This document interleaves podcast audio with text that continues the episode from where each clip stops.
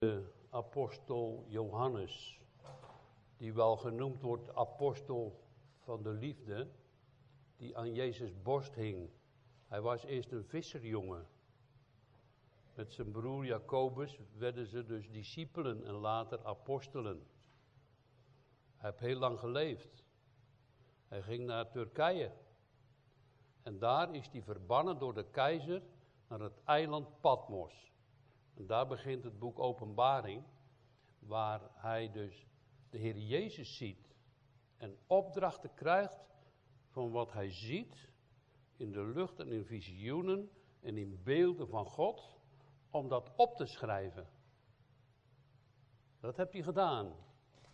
Dat is het boek Openbaring. Opgeschreven door de Heilige Geest, maar wel ook door Johannes, die lang geleefd heeft en die dus een apostel was van Jezus Christus. Want hij begint met de openbaringbrief dat hij de Heer Jezus zelfs heeft vastgepakt. Ik heb hem getast. Ik lag aan zijn borst. Wij mogen dat ook doen, maar dan in het geloof. Maar eenmaal, want die gloriekroon van Jezus bloeit, zullen we hem zien als we in hem geloven. Want het koninkrijk van God is gekomen. Het bestaat dus. En daar moeten we bij horen. Want er is ook een koning, een macht, een vorst der duisternis, die zich ook een koninkrijk wil verwerven en verworven heeft. En dan zijn wij dan hier bij dit gedeelte wat Johannes hier in Openbaring 12 ziet. Het was wel een heel groot teken in de lucht. Hij stond dus verbannen op dat eiland Patmos en de boze machten van de keizer en al die antichristussen die er toen ook al waren, hebben hem verbannen naar het eiland toe, opdat hij niet meer kon prediken voor in de gemeente. En had God een hele andere opdracht voor hem. Het boek Openbaring te schrijven. Al die visioenen te zien. Wat er gebeuren moet. Dat staat hier. Dit gaat gebeuren. Allemaal. En dat kunnen we ook terugzien ik zei vanmorgen tegen mijn broer in de auto, als je dus, uh, er staat zo vaak ook rond de Heer Jezus, als die, geen van zijn benen werden gebroken en over zijn klederen werd gelood, en er staat erbij, opdat de schriften, dat is het woord Gods, vervuld werden door de profetieën die geschreven zijn. En dat is ook met dit zo. Wij hebben daar niet allemaal precies het zicht in, want er zijn heel veel verschillende meningen over. Maar wij gaan toch proberen vanmorgen ernaar te luisteren. En wat wij aan, aan, aan dingen mogen zien en in het geloof mogen ontmoeten, dat we dat meenemen. Want we zijn in de, zoals onze broeder Jan vaak zegt, we zijn op de laatste mijl. Het laatste stukje van de wereld. En daar staat Johannes dan met zijn voeten op het zand en hij krijgt te zien een groot teken in de lucht. Een vrouw, bekleed met de zon. De maan was onder haar voeten. En op haar hoofd een kroon van twaalf sterren. En dat beeld wat hij zag van de maan en ook van de zon en de sterren, is er ook vroeger had je een schip, hè, dat heette de Sterren der Zee. Of, uh, nou ja, dat betekende eigenlijk dat, dat, dat, dat werd Maria, werd daarmee bedoeld. Dus, en op haar hoofd een kroon van twaalf sterren. Wij weten dat uh, Jozef ook droomde hè, van de maan en van de zon, van de sterren, die zullen allemaal voor hem buigen. Zo ziet eigenlijk Johannes een terugblik, hier is het een terugblik van wat al gebeurd is. Het eerste stuk van deze uh, geschiedenis, van dit gedeelte van de Bijbel, is een terugblik wat gebeurd is. Hij zag een vrouw die in barensnood was en die een kind ging baren en in barensnood riep ze uit en twaalf sterren waren rond haar hoofd en de zon omscheen haar bekleed en de maan onder haar voeten. En uh, ja, wij hebben die tekenen ook gekregen van een bisschop. Er staat er een plaatje achter op je auto, een blauw plaatje met twaalf sterren. dat zijn de twaalf sterren van de Europese gemeenschap. En men heeft er ook Maria mee bedoeld en gezegd dat is eh, Maria die dat kind gebaard heeft en dat zou zo ook kunnen. Maar we gaan daar toch nog even naar een andere, op een andere manier daarnaar kijken. Maar die uh, bisschop had dus gezegd dat hij dus uh, een visioen gezien had en dat was dus Europa met de twaalf sterren. En, en, en u ziet de boze machten die proberen altijd in Gods plan iets erbij te zoeken of te doen dat het anders is dan wat God zegt. Nou, we gaan er zo samen naar luisteren. Ze was zwanger en schreeuwde het uit in badensnood en in haar pijn om te baren. Maar plotseling verschijnt er een ander teken in de hemel. En zie een grote vuurrode draak een vuurrode draak met zeven koppen, tien horens en op zijn koppen zeven diademen. Zeven hoeden zou je ook kunnen zeggen. Een, een geweldig beest. En wij weten dat is een geestelijke strijd, noemden wij dit gedeelte al. En wij weten, dit is de boze macht van de Satan die Johannes zomaar in de lucht zag. Want wij hebben de strijd niet tegen vlees en bloed, maar tegen de overheden en de machten in de lucht. En ik zei u al, dit is al gebeurd. Dit stuk is al gebeurd. Want wat wil die boze macht? Eh, we gaan eerst even kijken wat er staat. En zijn staart veegde een derde deel van de sterren van de hemel. En wierp die op de aarde. En de draak stond voor de vrouw die op het punt stond te baren om het kind te verslinden zodra zij het gebaard had. Nou, ik heb u uh, uit uh, het boek uh, Ezekiel ooit verteld, gepredikt over de Satan die koopmanschap heeft gedaan voor de grondlegging van de wereld en daar de plaats, en volgens mij is dat zo, de plaats heeft in willen nemen van de Heer Jezus. Hij was een geweldig schoon en heerlijke engel. Met instrumenten, met diademen en prachtig, zo geweldig loofde die en prees hij God. Lucifer. Maar er is ongerechtigheid in hem gevonden. En hij deed koopmanschap en daarom trok hij een derde van Gods engelen achter zich. Die hem gingen volgen, dat zijn de demonen. Zo. En hier staat het. Met zijn staart veegde hij een derde deel van de sterren, dat zijn de engelen,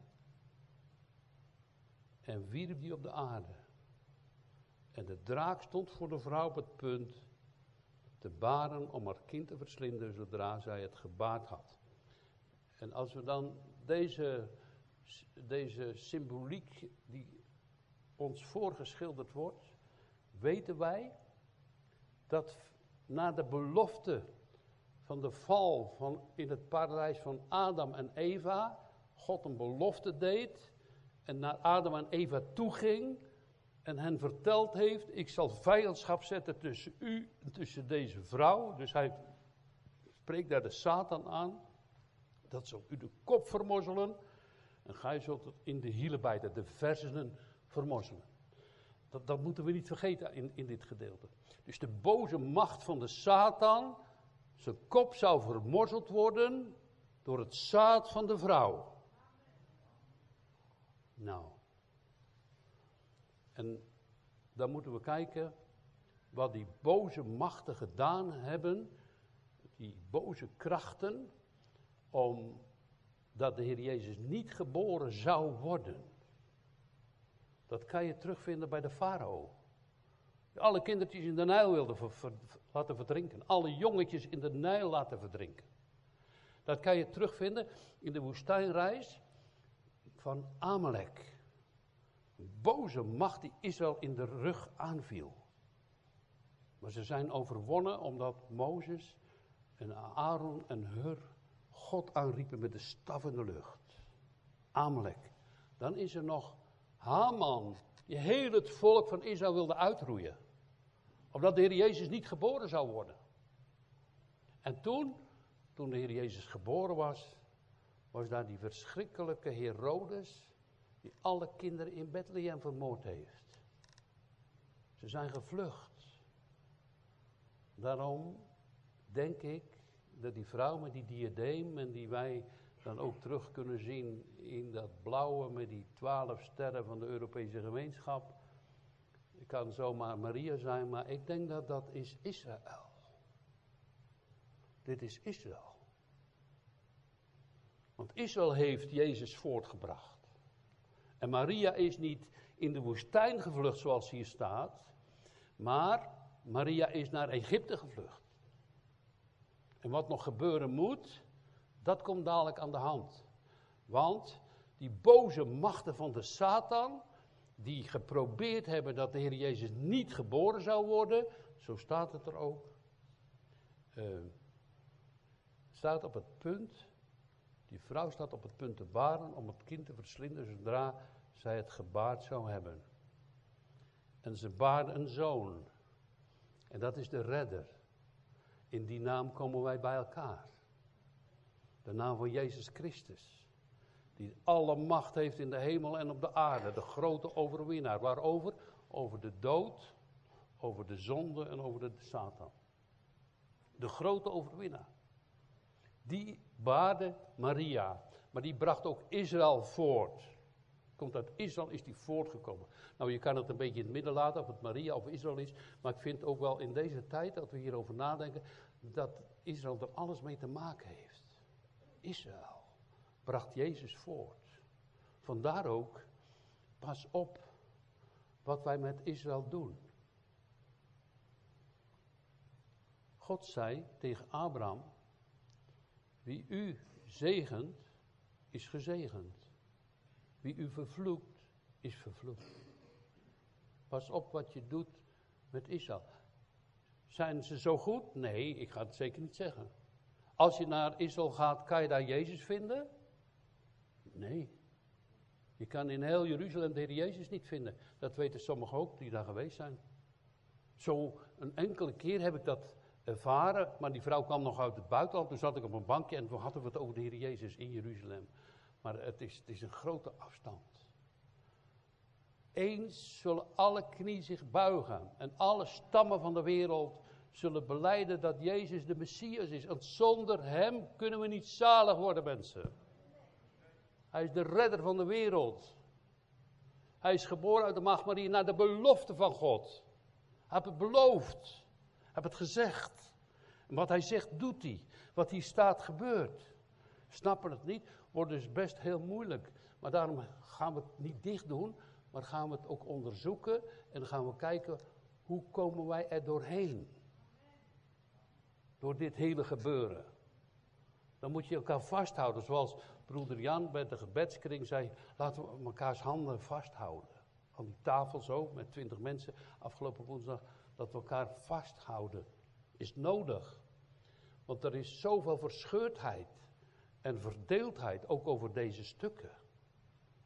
En die boze macht van de Satan, uh, die uh, uh, dat kind wilde verslinden, staat en ze baden een zoon, een mannelijk kind, dat alle heidenvolken zal hoeden met een ijzeren staf. Dat is Psalm 2. En wat heeft de Heer Jezus allemaal niet gedaan? We hebben er zo vaak over gepreekt, u weet het toch? We gaan het toch nog even noemen. Hè? Hij is geboren uit de maagd Maria, gelegd in een beestenstal. Er was voor hem geen plaats.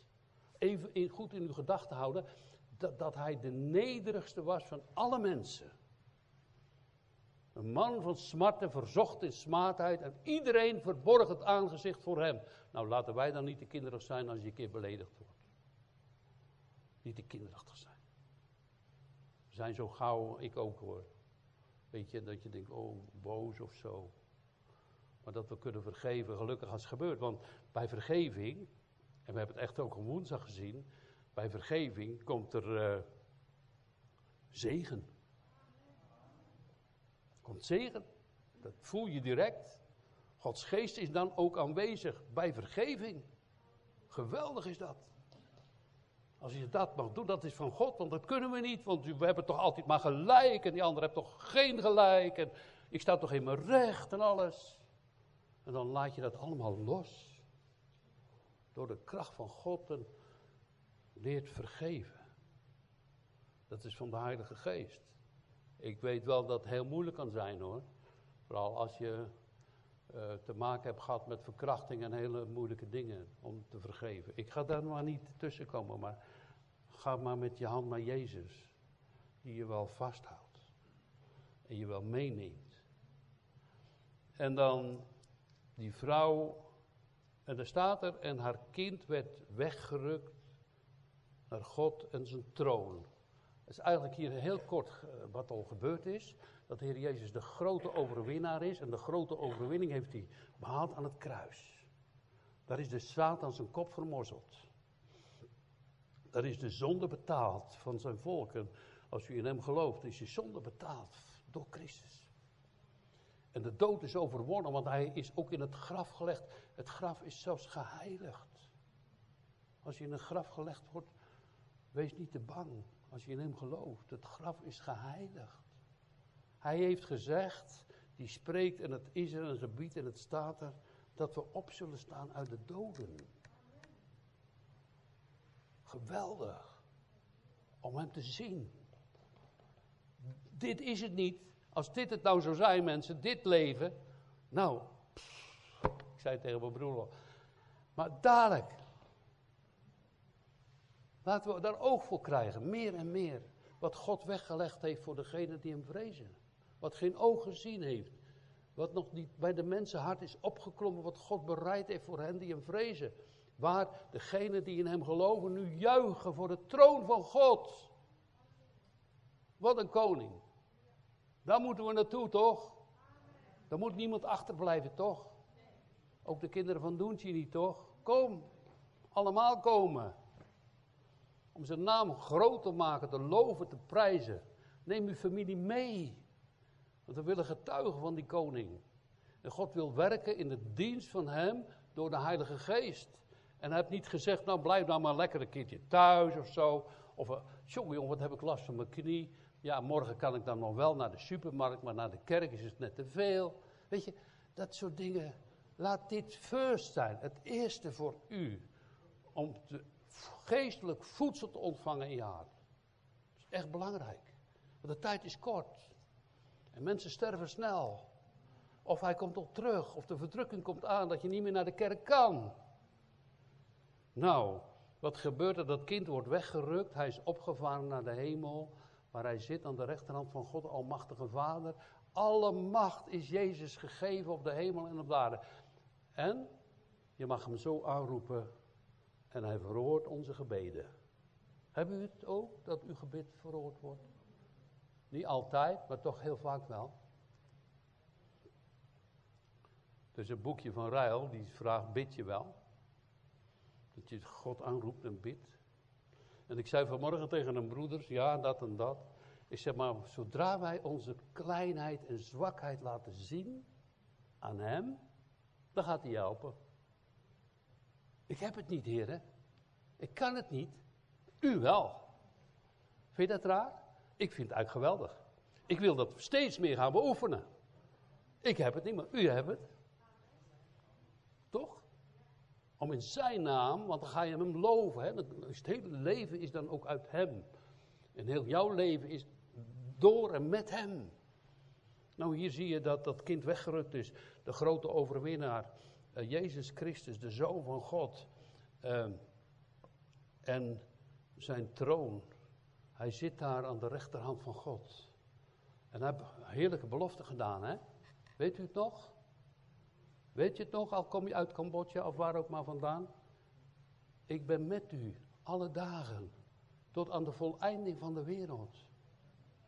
Hebt u toch gezegd? Met u, die koning, die de hemel en de aarde gemaakt heeft, die zijn leven gaf. Uit liefde om u te redden van de eeuwige Satan, de machten, de dood en de hel. Om u te zetten daar bij hem als prinsen en prinsenplaats.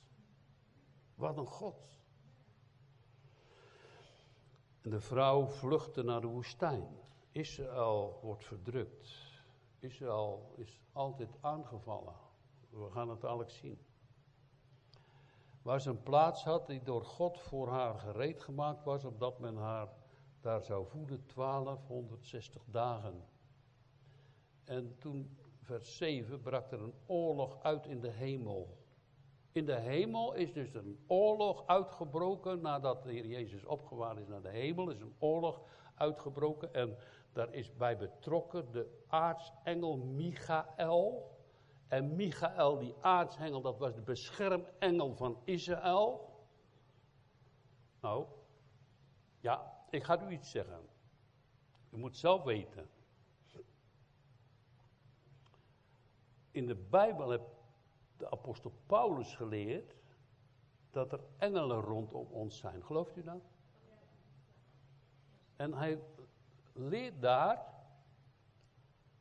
in de Bijbel, het is geen wet, maar dat een vrouw een hoofddeksel op haar hoofd doet, om de engelen wil die rondom ons zijn. Daarom, niet een wet van het moet en daarom.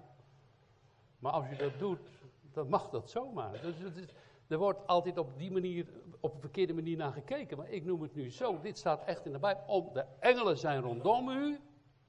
En, en dan zegt Paulus daarom, om die engelen, dat je dan een hoofddeksel op je hoofd doet. Maar ik ga het u niet uh, verplichten, of ik geloof ja, alleen onze Kikini die met bidden en, en, en René, die zijn dat gewend uit de Roma-kring. Maar dat mag, hè? Maar dat moet u zelf zien. Ik heb het nooit als een wet opgelegd, maar genoem het u wel. Het is niet een wet van dat moet maar en dan ben je daardoor beter. Maar het is wel iets van wat in de schrift staat om de engelen wil. En die engelenmachten, die hebben een strijd gevoerd in de hemel. Het was een geweldige strijd. Want uh, dezezelfde Michael is toen ook gegaan naar Daniel. En dat duurde veertien dagen, omdat hij zoveel tegenstand had van de demonische machten, van de vorst van de Perzië, die hem tegenstonden in de lucht om bij Daniel te komen. Dat duurde 14 dagen en toen is hij bij Daniel gekomen. Dat moeten we dan teruglezen. Maar het hele boek, hele stukken van Daniel hebben ook hiermee te maken. Er staat al veel van geschreven in het boek Daniel. En hier staat dat er een grote strijd komt, een grote oorlog in de hemel. Michael en zijn engelen voerden oorlog tegen de draak. Ook de draak en zijn engelen voerden oorlog. Hij had dus een derde van de engelen achter zich. En een hele machtige grote engel Lucifer, de duivel, de zwarte, boze macht, zette zich tegen Michael, maar ze waren niet sterk genoeg en ze werden uit de hemel geworpen. Boze machten kwamen die dan vroeger in de hemel, ja. Er staat op twee plaatsen in de schrift bij Job dat die spraken met God in de hemel en later ook bij Jozua, dat was de vertegenwoordiger, de hoge priester van Israël. En die stond daar met vuile kleren voor God. En, en de Satan ging hem aanklagen. En dan zegt God, de Satan schelde u. En Jozua kreeg schone kleren aan. Want zo goed was Israël in zichzelf niet. Ze is goed door Gods genade schone kleren, overkleed te worden met het heil van Hem. En zo was vroeger de Satan in de hemel, in het voorportaal, zeg maar, om de mensen aan te klagen. En er is een strijd gekomen en die engelen zijn er uitgegooid, uit de hemel. En er is een groot gejuich, er is een groot gezang ontstaan in de hemel, zo staat het echt in de schrift. Een groot gezang en een gejuich. En, en dat lezen we hier. Uh, en ik hoorde een luide stem in de hemel zeggende, nu is gekomen de zaligheid en de kracht en het koninkrijk van onze God en de macht van zijn Christus. Want de aanklager, dus de boze macht, hè, van de broederen, de aanklager van de, uh, even kijken, en de grote draak werd neergeworpen, namelijk de oude slang, de duivel en de, de Satan genoemd, die de hele wereld misleidt. En hij werd neergeworpen op de aarde en zijn engelen met hem. En ik hoorde een luide stem in de hemel zeggende, nu is gekomen de zaligheid, de kracht en het koninkrijk van onze God en de macht van zijn Christus. Want de aanklager van onze broeders, die hen dag en nacht aanklaagde voor God, is neergeworpen. Ze hebben hem overwonnen door het bloed van het lam. In het Oude Testament, als u daar een beetje. Mensen, het is echt goed om de Bijbel te onderzoeken. Als u het einde leest van Hebreeën 11, als je ziet hoe die strijders binnengekomen zijn. Er staat zelfs dat ze doorgezaagd werden, dat ze in de spelonken moesten schuilen, vervolgd werden, veracht werden. Het volk van God, Hebreeën 11, het laatste stuk vooral. En, en ze hebben overwonnen door het bloed van het lam. En daar gaan we toch even over nadenken. Uh, zullen wij dat ook kunnen?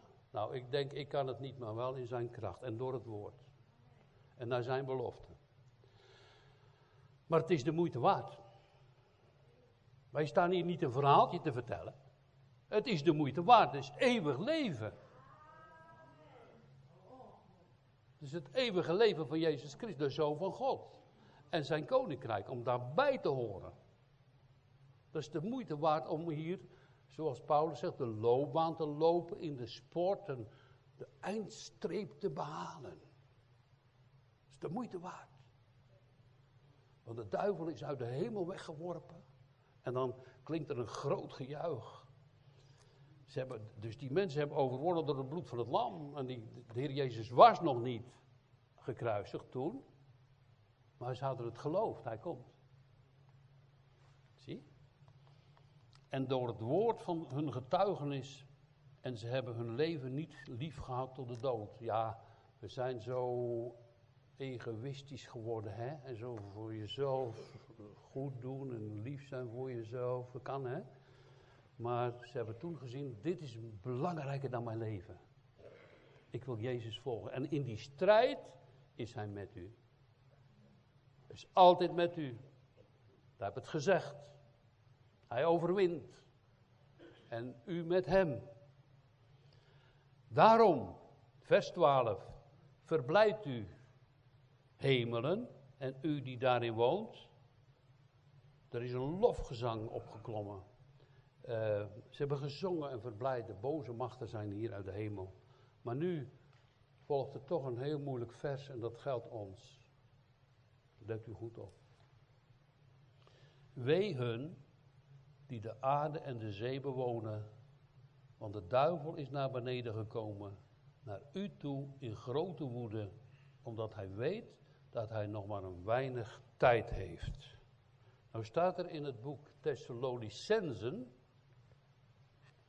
dat er een weerhouder is die de antichrist tegenhoudt.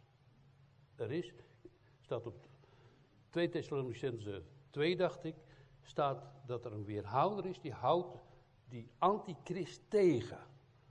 Waarvan gezegd wordt dat er een derde tempel zal komen, waar hij zal heersen in de tempel in Jeruzalem en alle volken zal verleiden. Je ziet al allerlei dingen gebeuren. De toebereidingen van dat grote rijk van waar Daniel gezien heeft, met het leem en die voeten dat overeind komt. De antichrist en de machten, dat is het volgende hoofdstuk, moet u maar lezen, openbaring 13. Uh, dan is die woede zo groot. Maar ik zeg u al, er is nog steeds een weerhouder. Die wordt nog tegengehouden. Ik, ik denk, als die weerhouder losgelaten wordt, dan kunnen wij hier niet meer zomaar bij elkaar komen. Nou, daar moeten we ons op voorbereiden. En daarom prediken we ook dit. We moeten ons daarop voorbereiden. Dat je dadelijk niet meer bij elkaar kan komen. En dat kan heel snel gaan, want God gaat de tijd verkorten. Of dat je in zijn naam hem zal loven, prijzen en eren.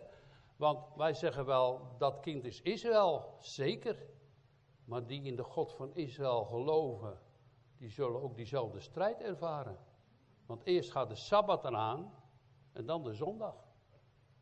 Eerst de Joden en dan de christenen. Het komt aan. Maar heb goede moed. Hij is met ons. Daarom moeten we ons voorbereiden op moeilijkere tijden. En het is niet uh, angstig worden of, bevreesd. Dit is een openbaring van God zelf aan Johannes, wat gebeuren moet. Ik kan er niet omheen. En u ook niet. Maar die strijd is het waard.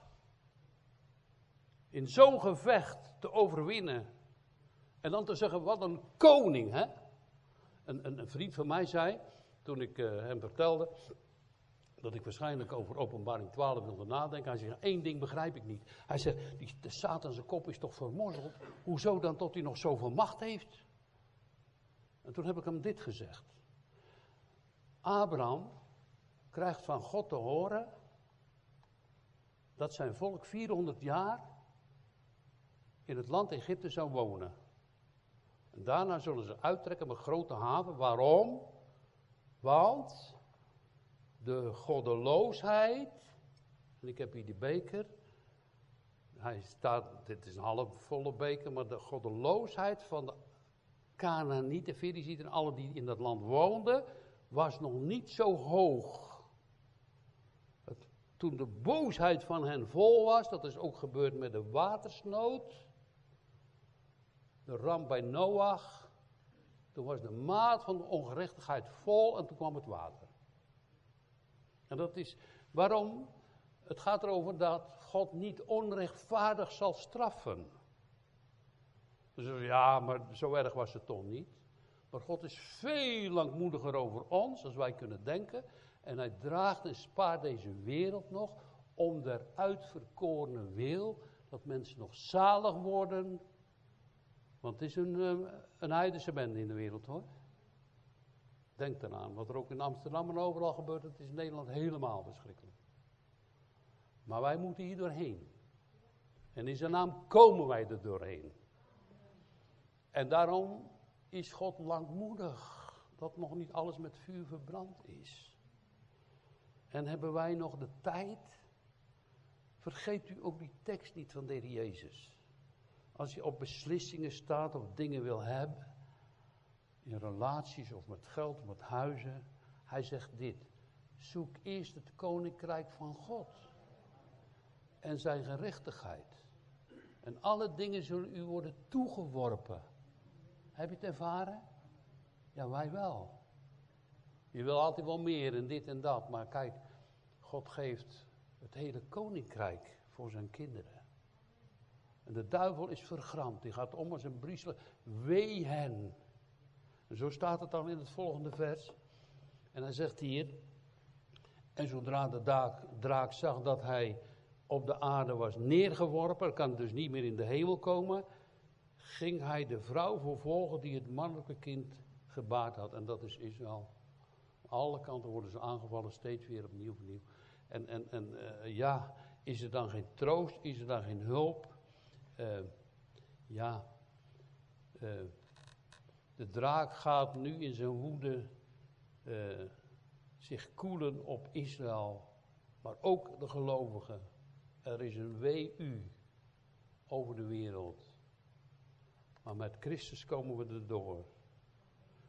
De troost is in deze aanvallen, er is bij God een schuilplaats.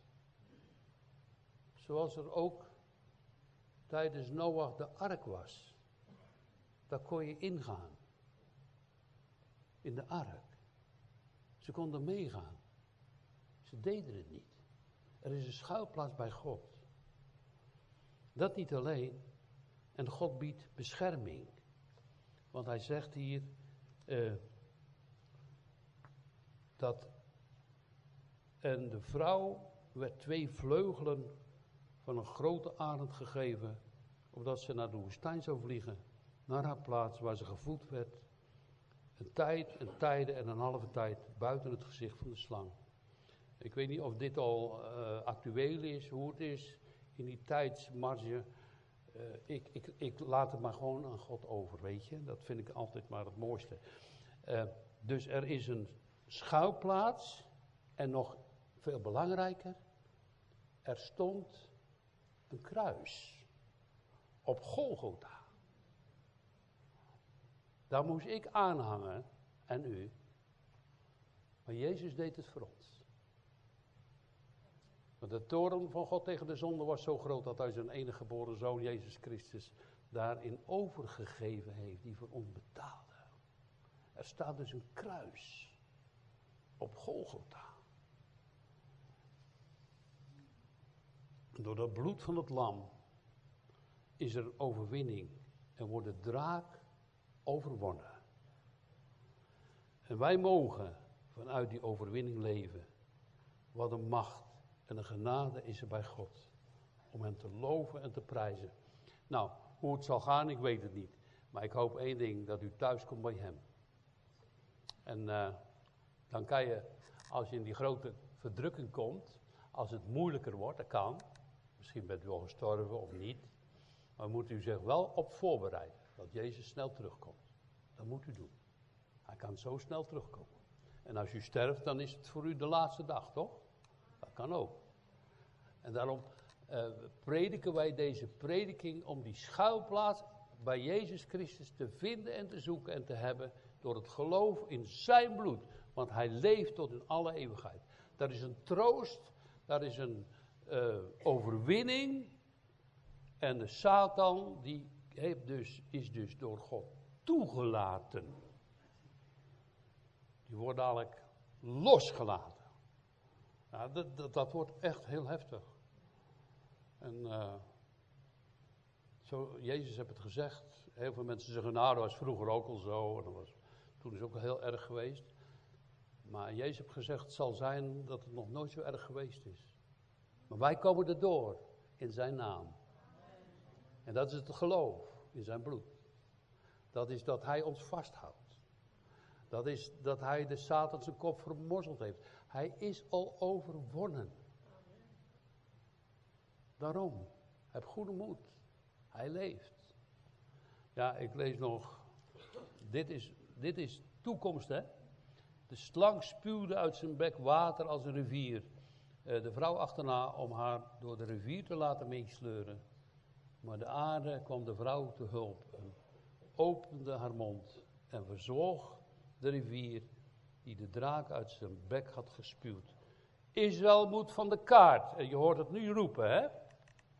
En God zal maken dat die Joden in het laatste tijden zullen zeggen: Hij is toch de Messias.